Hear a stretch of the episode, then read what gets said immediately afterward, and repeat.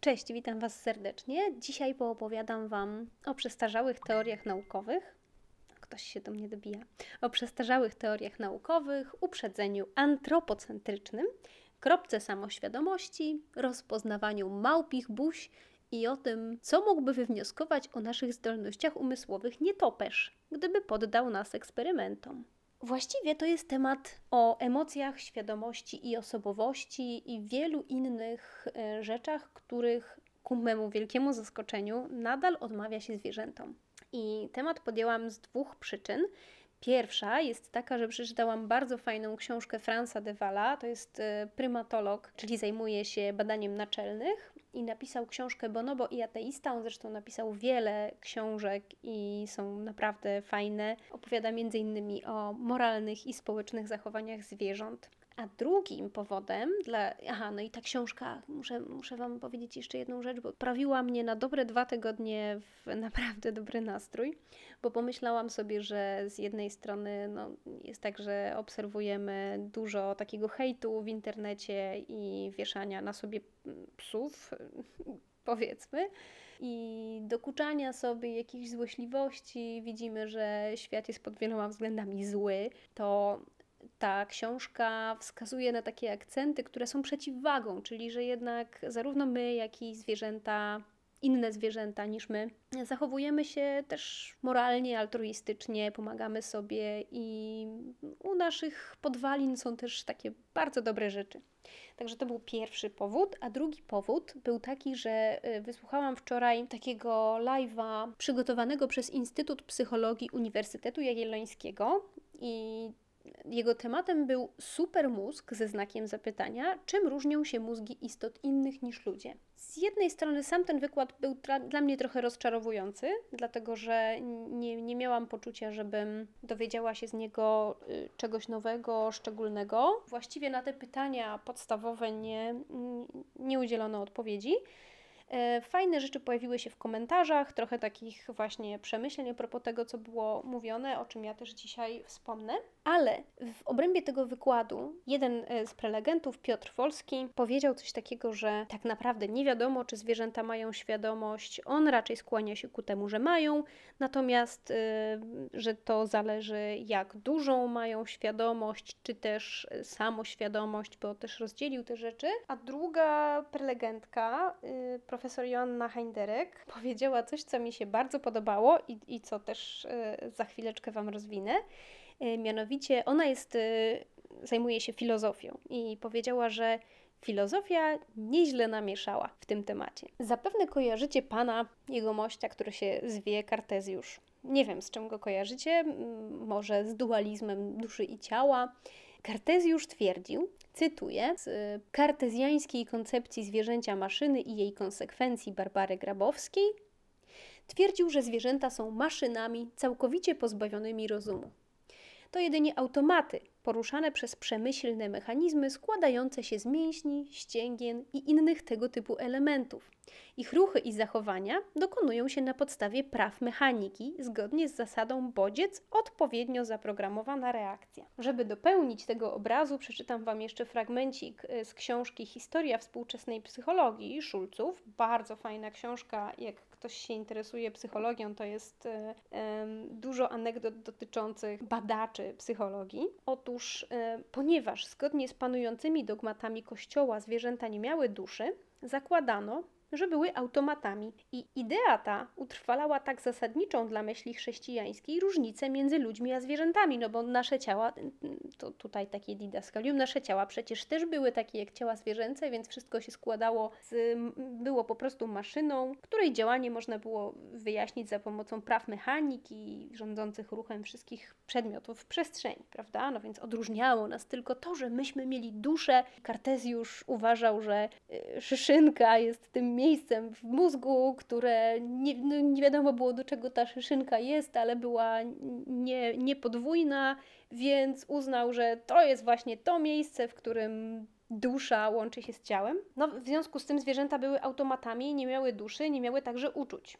No i dlatego też badacze w czasach Kartezjusza, wrażliwsze osoby mogą y, teraz mają szansę, żeby zas, zakryć uszy. Badacze mogli przeprowadzać badania na żywych zwierzętach, gdy nie były jeszcze dostępne metody znieczulania. Jeden z pisarzy opisał ich rozbawienie zawodzeniem i skomleniem zwierząt, ponieważ były one tylko hydraulicznymi gwizdami i wibracjami maszyn. No więc widzicie. Yy Mam wrażenie, że taki na przykład pan Kartezjusz to y, straszliwą, krecią robotę zrobił, y, zrobił zwierzętom. No i, że tak powiem, dzisiaj zbieramy tego żniwa nadal być może. Być może to nie przez samego pana Kartezjusza naturalnie, ale przez takich jegomościów, którzy byli jak najbardziej wielkimi personami nauki. No, nawet trudno mi to jakoś bardziej skomentować.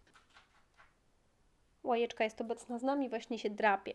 No i to wszystko sprawiło, że uznałam, że nadal jest to właśnie taki temat, że, że ludzie są w nim albo zagubieni, albo nie chcą w coś uwierzyć, wolą wierzyć, że jest inaczej. No, więc podejmuję ten temat dzisiaj, potem przy długim wstępie. Tak przyszło mi do głowy najpierw, że po prostu nauka nie, poważnie nie nadąża za rzeczywistością, jeżeli chodzi o niektóre teorie, no bo na przykład trudno mi jest zrozumieć to, dlaczego ludzie odmawiają zwierzętom y, na przykład takich altruistycznych zachowań e, albo emocji w momencie, kiedy na przykład jest tyle na Facebooku filmów, na których jakiś na przykład słoń y, ratuje, wyciąga jakieś tonące zwierzątko z kałuży, albo jakieś y, zwierzaki sobie pomagają na przeróżne sposoby. No, w internecie jest tego teraz cała masa. Takie filmy robią furorę. Czy to na Facebooku, Instagramie, czy na YouTubie, jakkolwiek, ale, ale widzimy po prostu, że te zwierzęta różnych gatunków sobie pomagają, ratują się z opresji.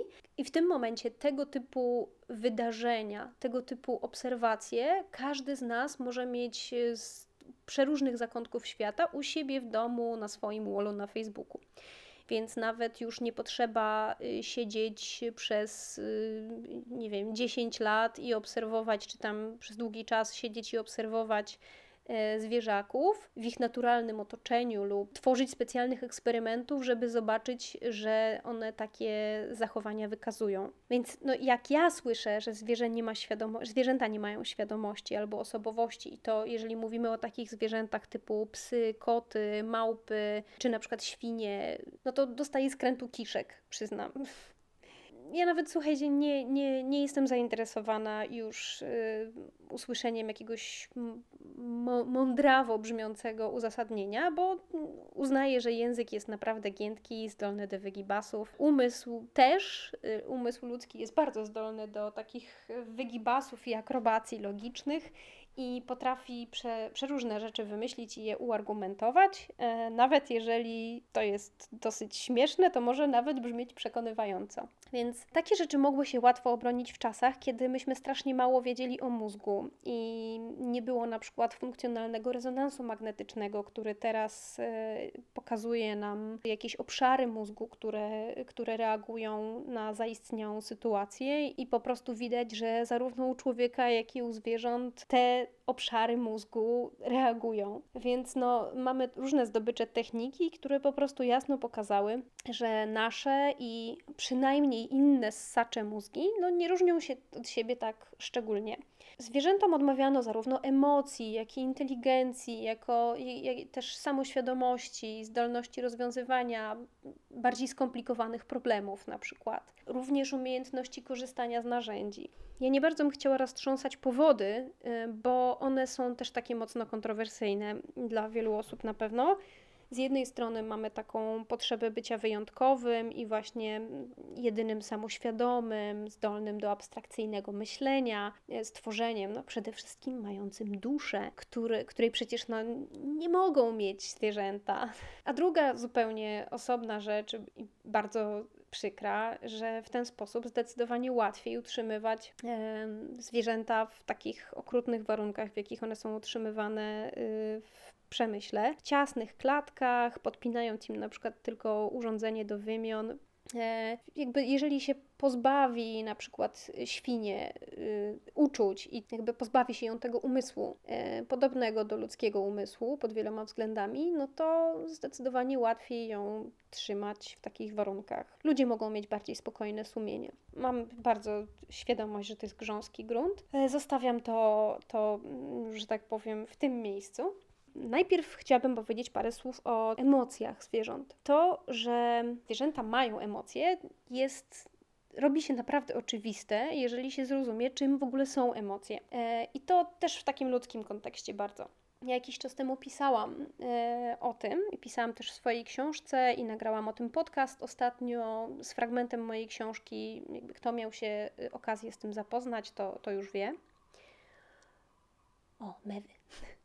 Pisałam o tym, że emocje są po prostu reakcjami naszych układów nerwowych na sytuację, w której się znaleźliśmy, albo na wyobrażenie, że coś się może stać, albo nawet na samo wspomnienie jakiejś sytuacji, czy, czy na przykład mogą być też powiązane z jakimiś naszymi wewnętrznymi stanami. Czyli na przykład ja zaczynam się czuć źle i zaczynam się tym stresować też. I że one dają nam taki natychmiastowy sygnał, alarm, serce zaczyna bić mocniej, źrenice się rozszerzają, płuca pompują intensywniej.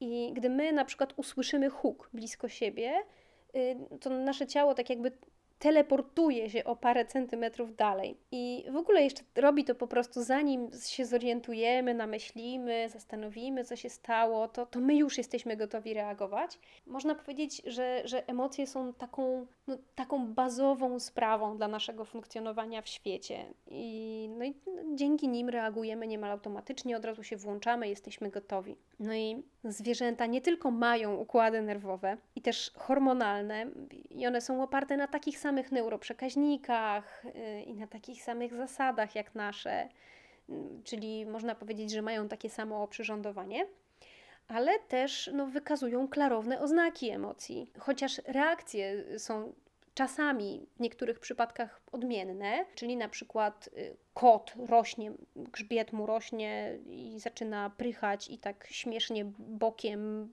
uciekać, takim śmiesznym kociobocznym y, biegiem, no to y, facet na przykład, jeżeli znajdzie się w podobnej sytuacji, to raczej unosi ku górze klatkę piersiową i zaczyna tak kołysać się, kołyszącym takim krokiem podchodzi do nas, ręce szeroko i, i się pyta, jakiś problem?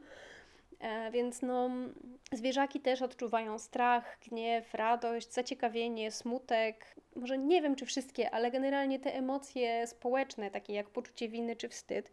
I kto ma w domu psa, to myślę, że rzadko ma wątpliwości, że zwierzaki wykazują to poczucie winy, kiedy na przykład opierniczą wam mm, but albo rozszarpią poduszkę jakąś podczas waszej nieobecności.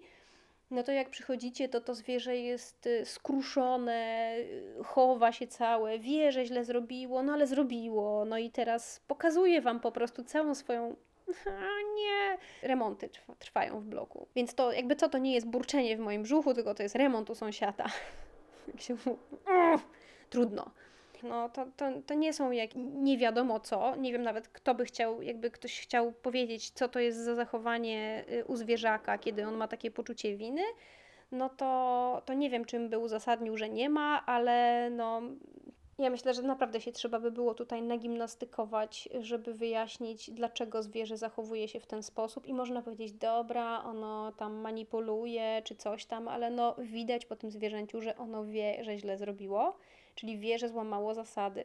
I chciałam Wam opowiedzieć o jednym eksperymencie, yy, o którym pisze w swojej książce Martin Seligman. I to jest książka Optymizmu można się nauczyć. I on y, opisuje swoje badania nad wyuczoną bezradnością.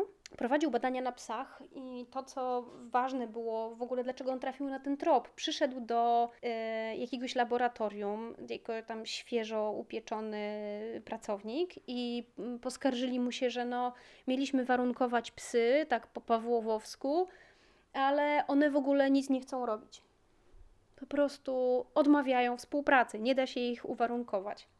No i on zaczął się nad tym zastanawiać. Przeprowadził eksperymenty takie, że podzielił psy na trzy grupy i umieszczał je w klatkach i w dwóch z tych klatek podłoga raziła prądem w pierwszym warunku.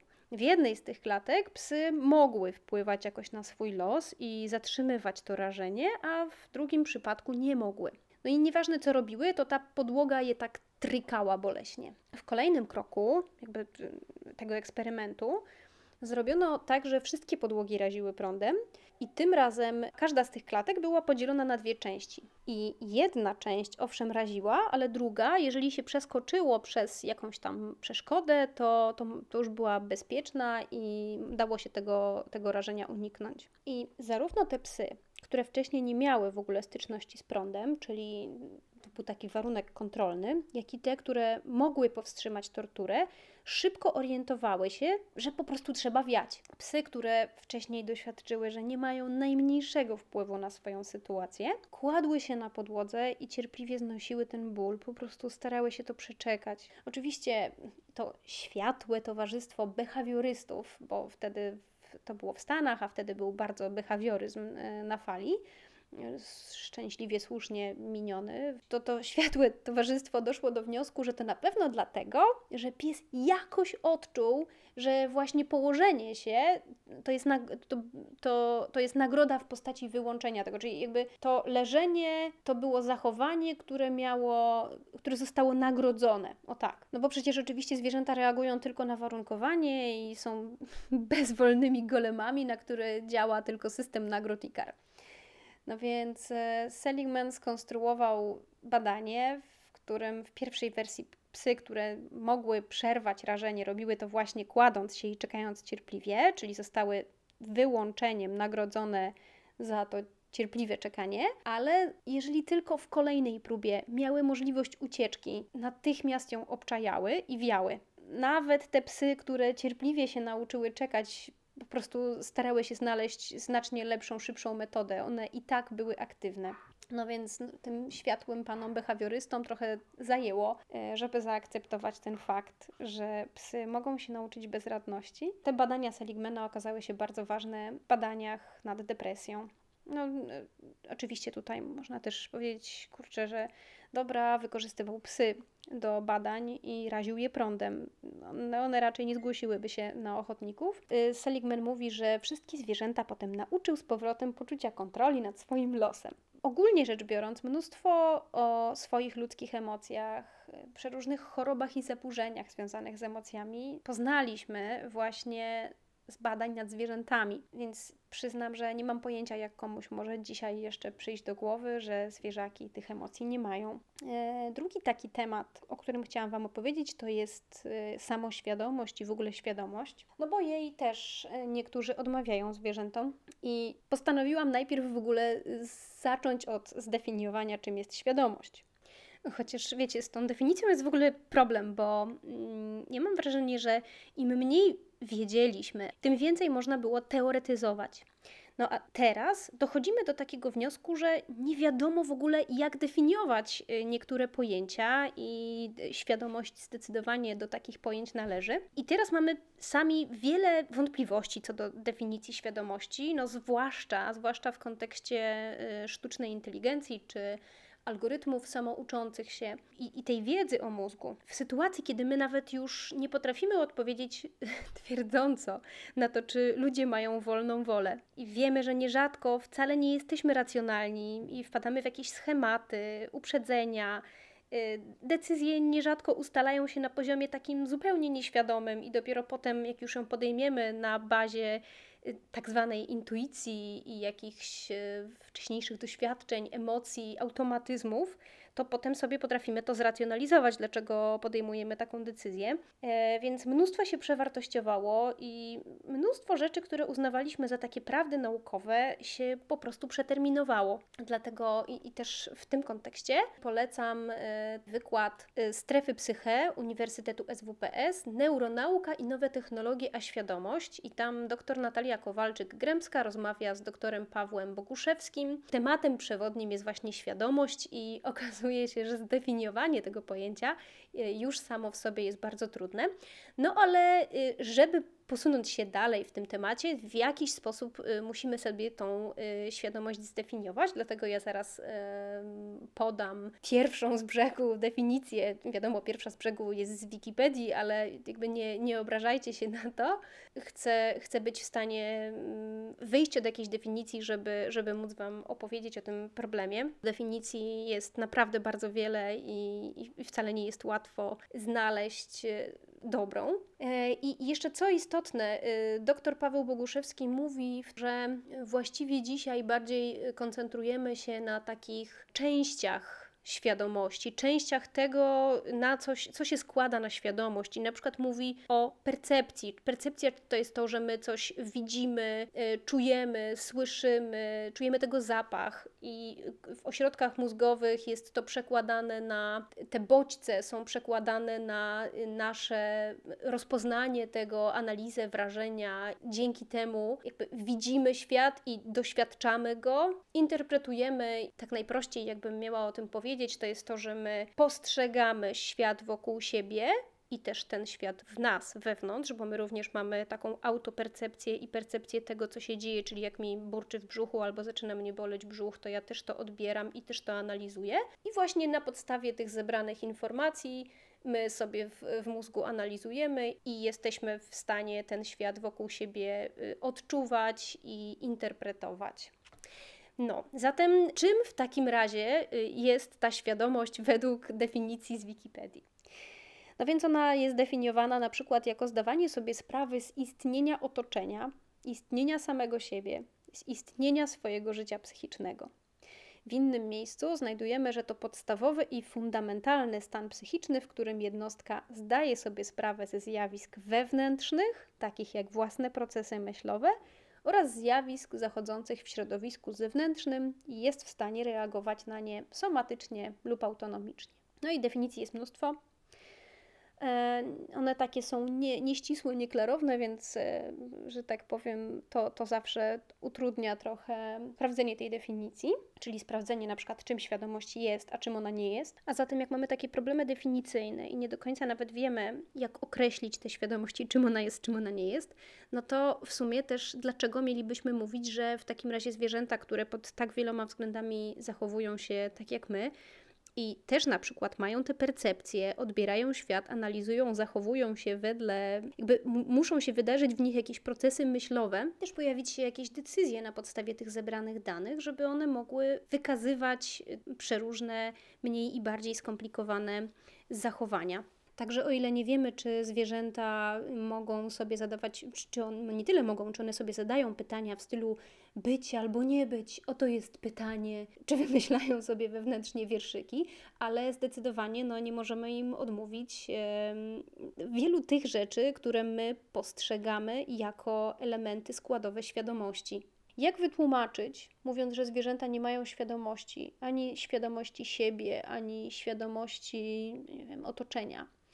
To jak wytłumaczyć, że one wykazują tak skomplikowane zachowania w otoczeniu? Czy, czy one są maszynami na jakimś autopilocie, który ktoś zaprogramował? No dlaczego na przykład walczą między sobą, żeby zyskać prestiż? Albo jakieś walczą o panowanie nad stadem, dlaczego mm, walczą o tereny łowieckie albo obfite spiżarnie. Jakim cudem kot miałby zaplanować polowanie, przyczaić się, wyczekać, zaatakować z zaskoczenia? No przecież musi być świadomy nie tylko otoczenia, e, świadomy tego, że mysz też ma jakąś percepcję i może go zauważyć, czyli musi też mieć jakieś pojęcie w ogóle o niej i o jej zdolnościach i o jej mm, percepcji, powiedzmy. Chociaż nigdy by tak tego nie nazwał. No musi być zdolny do, do takiego też yy, zachowania, żeby jej nie spłoszyć, na przykład nie wystraszyć. W dodatku przepędzi inne koty ze swojego rewiru, bo przecież to jego teren. I jeżeli teraz jest mowa o tym, że y, zwierzaki walczą tak jakby o, o siebie i o swój teren, no to czym są kierowane? Co powoduje, że są w stanie zabiegać o spełnienie swoich potrzeb. Co by to tłumaczyło innego niż świadomość? Co by miało nimi poruszać albo usprawiedliwiać czy wyjaśniać te skomplikowane zachowania, które często są tak podobne do naszych. Jakie kombinacje musiałyby tutaj y, wchodzić w grę, żeby to wyjaśnić? W dodatku zwierzęta pokazują nam bardzo klarownie, że wiedzą, że my mamy świadomość. No, na przykład przychodzi do mnie łajka i prosi o jakąś pomoc, bo wie, że ja, Homo sapiens Magda, rozwiążę za nią różne problemy. W ogóle psy złączyły z nami swoje życie, jakby trochę nas wykorzystując, ale my, się, my świetnie się temu poddaliśmy, właśnie również dlatego, że psy są takie słodkie, kochane, przytulaśne i współpracujące. No i Łajka używa swoich y, specjalnych mięśni w oczach i patrzy na mnie jak kot ze Szreka. Y, właśnie chyba Mortis teraz przyjdzie wypróbować na mnie swoje mięśnie y, oczne. No, zwierzęta komunikują się zarówno między sobą, jak i z nami. Dają nam sygnały, bo też wiedzą, że je odbierzemy. Wiedzą, że mogą wpłynąć na nasze zachowanie. Ja mogę nauczyć Łajkę, żeby robiła różne cuda na kiju, jeśli tylko znajdę sposób, żeby jej zakomunikować, o co mi chodzi. I ten aspekt jest w dodatku kluczowy. No i mam wrażenie, że nasza niewiedza i takie dziwaczne pomysły, że biorą się przede wszystkim z tych źle przeprowadzonych eksperymentów i z tego, co we wstępie nazwałam takim uprzedzeniem antropocentrycznym. To jest zresztą termin użyty przez Franza de Walla. I przede wszystkim chodzi tutaj po prostu o to, że projektujemy eksperymenty, za pomocą których wydaje nam się, że sprawdzimy, czy zwierzę ma na przykład samoświadomość albo czy potrafi korzystać z narzędzi bo w ogóle z takimi, z badaniem tego typu i zwłaszcza niejawnych rzeczy, o których ktoś nie może nam powiedzieć, zwłaszcza, że z tymi, co ktoś nam może powiedzieć, to też jest tak, że może nam mówić nie to, jak jest, tylko jak mu się wydaje, że jest, albo jakby chciał, żeby, żeby było. Ale w przypadku takich właśnie rzeczy, których nie widać gołym okiem, musimy wymyślić ten eksperyment w taki sposób, że właśnie y, wyobrazić sobie, co, jakie zachowania, czy co mogłoby nam powiedzieć o tym, że to, co chcemy zbadać, rzeczywiście wystąpiło. Jeżeli my ze swojej percepcji ludzkiej słabo choćby spróbujemy sobie wyobrazić percepcję innego stworzenia, no to już na dzień dobry jest to obarczone dużym błędem. I ja sobie pomyślałam, że to jest tak, jakby nietoperz badał, czy my mamy zdolność percepcji, na przykład odległości przedmiotów. Skonstruowałby, jak to nietoperze miałyby wówczas w zwyczaju, gdyby w ogóle chciały badać ludzi w ten sposób, to on by skonstruował eksperyment nastawiony na co? Na użycie echolokacji ja widzę przedmiot, który jest 20 metrów ode mnie, bo mam oczy i ośrodki w mózgu, które mi to pozwalają wszystko spostrzec, ocenić, ale no testu na echolokację bym nie zdała po prostu. A nie topesz, gdyby miał taki zwyczaj, jak to ludzie mają, no to uznałby już triumfalnie, że ja jestem jakimś prymitywnym stworzeniem, które nie ogarnia otoczenia wokół siebie i nie jest w stanie ocenić, że coś jest 20 metrów od niego. No więc Franz de Waal w, w książce Bonobo i ateista opowiada na przykład o eksperymentach na słoniach. No i jeden z takich eksperymentów miał sprawdzić, czy słoń będzie potrafił skorzystać z kija i sięgnąć nim po smakołyki, które były poza jego zasięgiem, były za wysoko.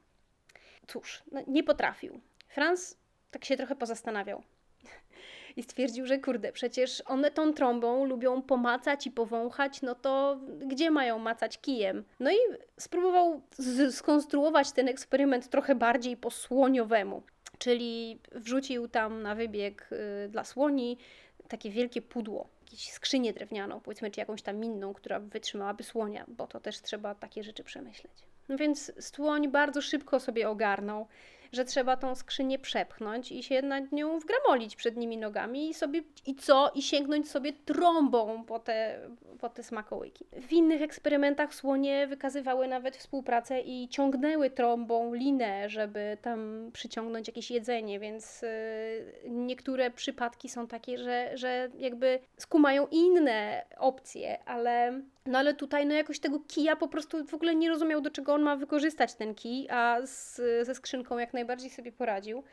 No i te słonie potrafiły ze sporej odległości sobie te, te stopieńki przynieść. No i wcale nie musiały mieć tych y, obu rzeczy w zasięgu pola percepcyjnego. Po prostu sobie radziły i wymyślały i jakby, jeżeli to nawet leżało gdzieś daleko, to potrafiły na to wpaść, że mogą to wykorzystać i sobie sięgnąć po te smakołyki. Drugie badanie, e, słuchajcie, moje ulubione, to badanie samoświadomości. Generalnie to wygląda tak, że maluje się zwierzakowi niepostrzeżenie kropkę na czole. I potem pokazuje się mu lustro.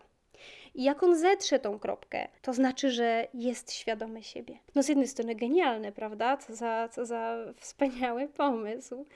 Ale bardzo proste, od razu się pojawia pytanie, a co jeżeli on to widzi, ale ta kropka mu nie przeszkadza? Albo czy na przykład człowiek z buszu, cywilizacji, z, z, z grup, które nie miały do czynienia z naszą cywilizacją które nie miały do czynienia z lustrem, to wiedziałyby, że to dziwne coś odbija właśnie ich twarz. Mm, no możliwe, bo na przykład widzieliby siebie wcześniej w, w wodzie, no ale generalnie do tego trzeba mieć w ogóle jakieś wyobrażenie, czym jest lustro, albo jak wygląda własna twarz w czymś, co nie jest taflą wody. Albo jeżeli w ogóle to, to zwierzę widzi siebie po raz pierwszy w życiu w lustrze, to dlaczego by nie, nie miało również pomyśleć na przykład, że ta kropka jest częścią jego twarzy? Można sobie tutaj różne wysnuwać pomysły i teorie. Część zwierzaków y, próbuje się tej kropki pozbyć, no i one ten test y, zdają. Słoń na przykład oblał, w sensie słonie oblewały ten test. No i dlaczego? Bo w pierwotnych eksperymentach pokazywano im małe lustro, w którym widziały tylko fragment słonia, szarą ścianę i szarą ścianę słonia przed sobą i to lustro było za kratami i w ogóle, no więc słonie nie w ogóle nie czaiły o co chodzi tym ludziom, y, tam co chcą ich badać. I jak przyniesiono odpowiednio duże lustro i pokazano je słoniowi w plenerze, to nagle zyskał tę samoświadomość, bo nagle zaczaił i zobaczył tę kropkę i w ogóle. I znowu, no to jest takie antropocentryczne podejście. Stawia wzrok, który jest, którym my się w bardzo dużej mierze silnie posługujemy, w samym centrum, tak? Czyli na przykład psy. Psy oblewają ten test. Nie próbują sobie tam ściągnąć tej kropki. E, no ale bardziej, znacznie bardziej polegają na zapachu. No i na przykład w badaniach zupełnie inaczej reagują na próbkę własnego moczu niż moczu innego psa. Czyli znowu się kłania ta echolokacja, gdyby ktoś nas próbował, gdyby nietoperze nas próbowały badać. Kolejnym tematem, który chciałabym, który bym chciała Wam opowiedzieć jest moralność i osobowość. My różnimy się oczywiście od zwierząt i to jest, w ogóle czuję się strasznie głupio, jak o tym wszystkim opowiadam, ale, ale y, bo wydaje mi się to wszystko takie, że każdy o tym wie, ale no wiem, że nie każdy o tym wie, dlatego o tym gadam. Tak, my wysyłamy łaziki na Marsy, mamy internet i w ogóle mnóstwo rzeczy.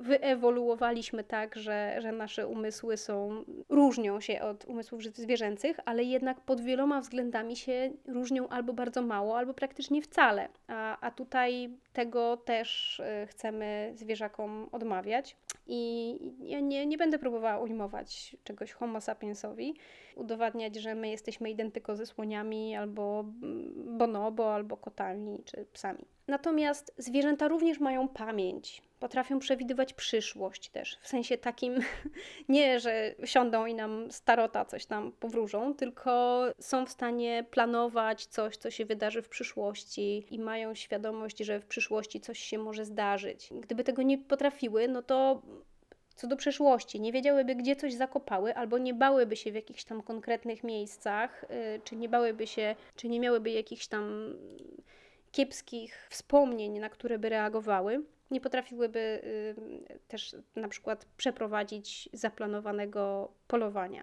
I wiele zwierząt y, funkcjonujących społecznie wykazuje no, dalece bardziej skomplikowane zachowania niż, niż te proste, które opisałam.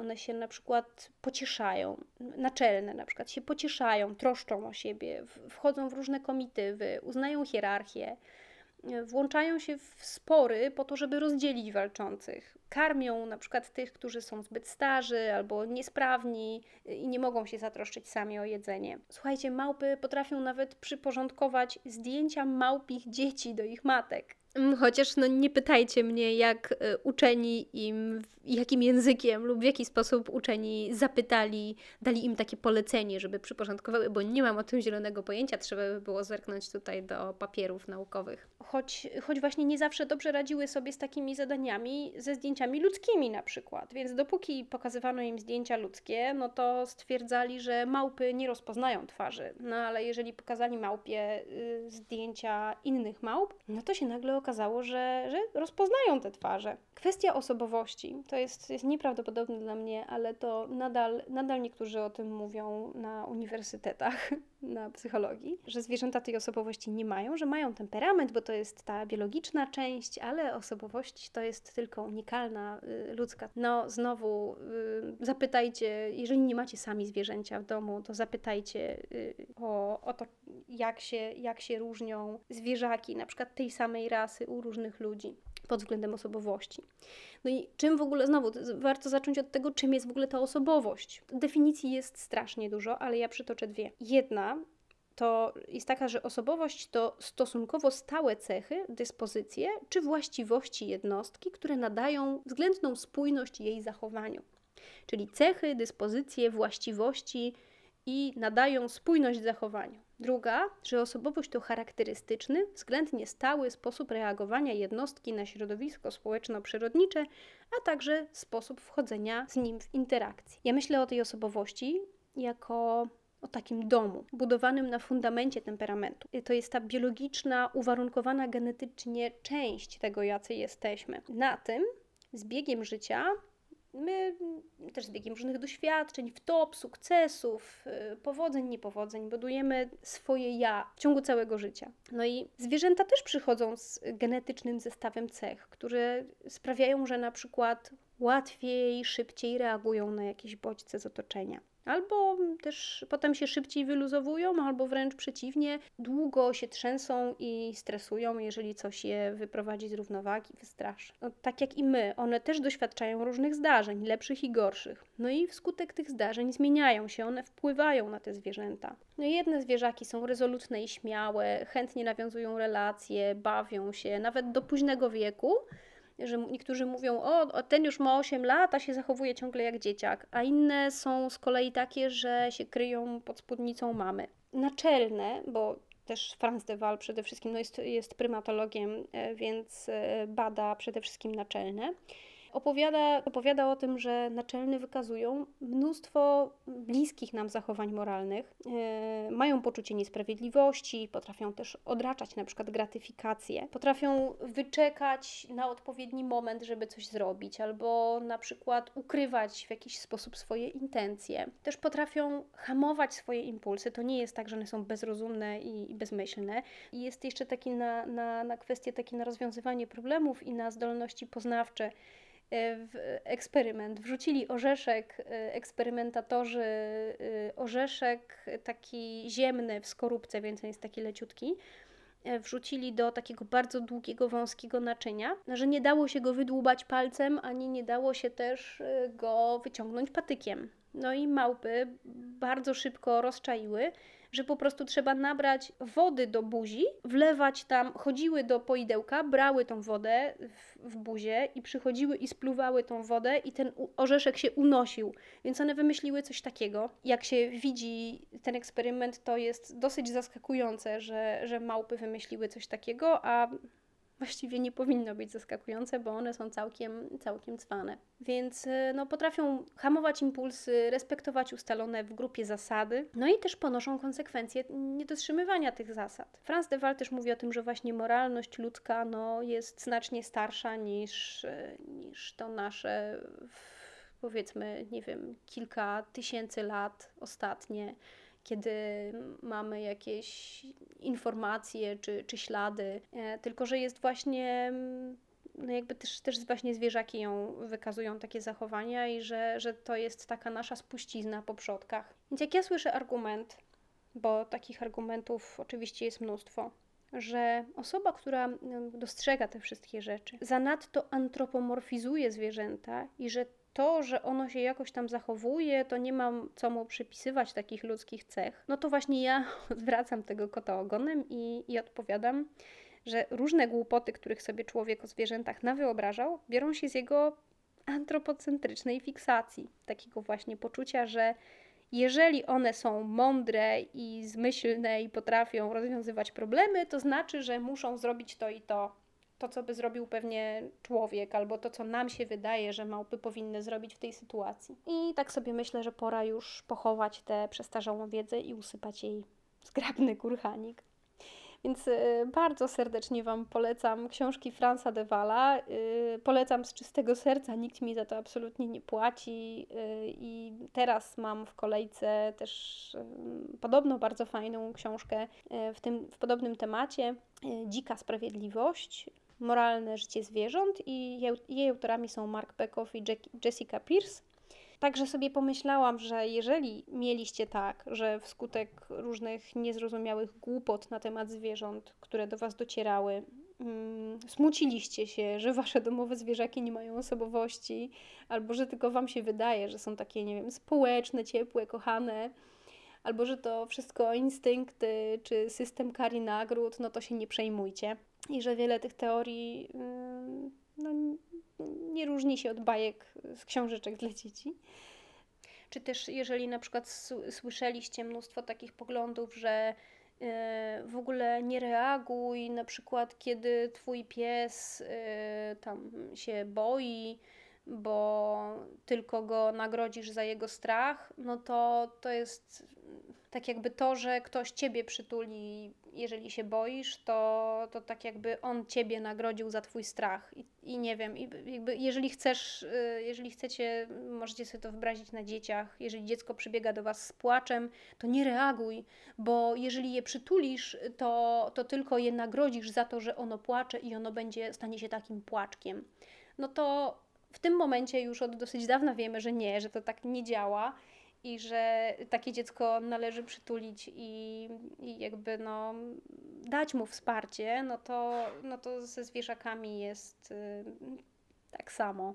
No jeżeli nadal to, co dzisiaj opowiadałam, w ogóle Was nie przekonało i te, te lektury też, które poleciłam, y, Was nie przekonają, i że jeżeli macie ochotę mnie pohejtować i nie wiem, napisać do mnie, że jestem głupia i że wierzę w głupoty, to myślę, że nic już Was chyba nie przekona i, no i też, że każdy ma prawo wierzyć w co chce i, i, i czuć się mm, takim e, szczególnym pępuszkiem świata.